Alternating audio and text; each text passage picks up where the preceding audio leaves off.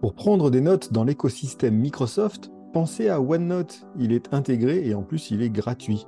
Bienvenue, vous êtes sur J'ai pas le temps pour ça, le podcast proposé par Eric Boucher où je vous partage des trucs, des astuces, des outils, des méthodes pour être plus efficace au quotidien et terminer la journée plus tranquillement. OneNote, vous allez me dire, mais ça existe encore ce truc-là?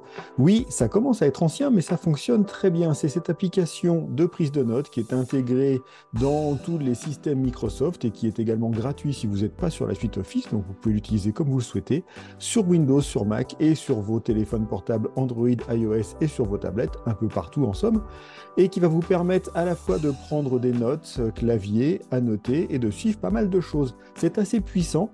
Euh, et c'est assez simple à utiliser. Dans OneNote, on est à fond dans l'analogie du carnet avec ses pages et ses sous-pages. Donc ça fonctionne assez bien. Il y a une option pour annoter, notamment si vous l'utilisez sur tablette, qui va fonctionner très bien. Euh, j'ai vu pas mal de gens l'utiliser justement avec une tablette en réunion pour prendre des notes de réunion directement et suivre leurs tâches. Donc ça, ça fonctionne bien, vous allez avoir les informations. La structure, on l'a dit, elle est très simple. On est vraiment sur l'analogie des carnets. Vous allez même pouvoir mettre des couleurs sur les côtés de vos carnets et avoir un carnet par type de réunion. Euh, je connais des gens qui en ont un par projet ou par euh, personne pour des managers qui s'en servent pour noter euh, leurs différents entretiens. Donc vous allez choisir la structure que vous voulez et bien évidemment partager ces carnets à plusieurs si vous le souhaitez.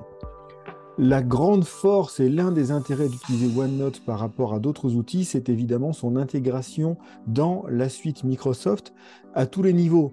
Euh, premier niveau, c'est son intégration avec Outlook, puisque vous allez pouvoir directement extraire les rendez-vous que vous avez planifiés et créer des notes de réunion.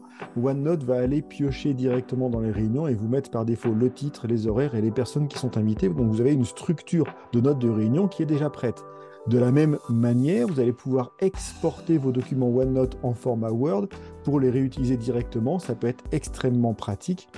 Et un autre point que je trouve très utile dans OneNote et qui différencie d'autres euh, logiciels de prise de notes, c'est sa faculté à avoir un certain nombre, voire beaucoup, voire trop d'indicateurs, mais ça peut être très pertinent pour identifier différents types de tâches, d'autant qu'ensuite vous allez pouvoir faire des recherches spécifiques par rapport au type d'indicateur et donc extraire, identifier automatiquement ce qui est assigné à telle ou telle personne, quel type de projet, etc., etc.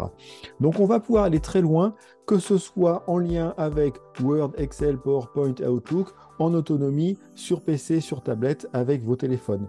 Et bien évidemment, nous sommes en 2023. Microsoft a lancé Copilot ou Copilot, qui est son assistant basé sur l'intelligence artificielle, qui devrait également arriver dans OneNote, donc pour vous permettre soit de résumer des notes qui ont été prises, soit d'en extraire les plans d'action, soit d'identifier certains éléments clés, vers des résumés.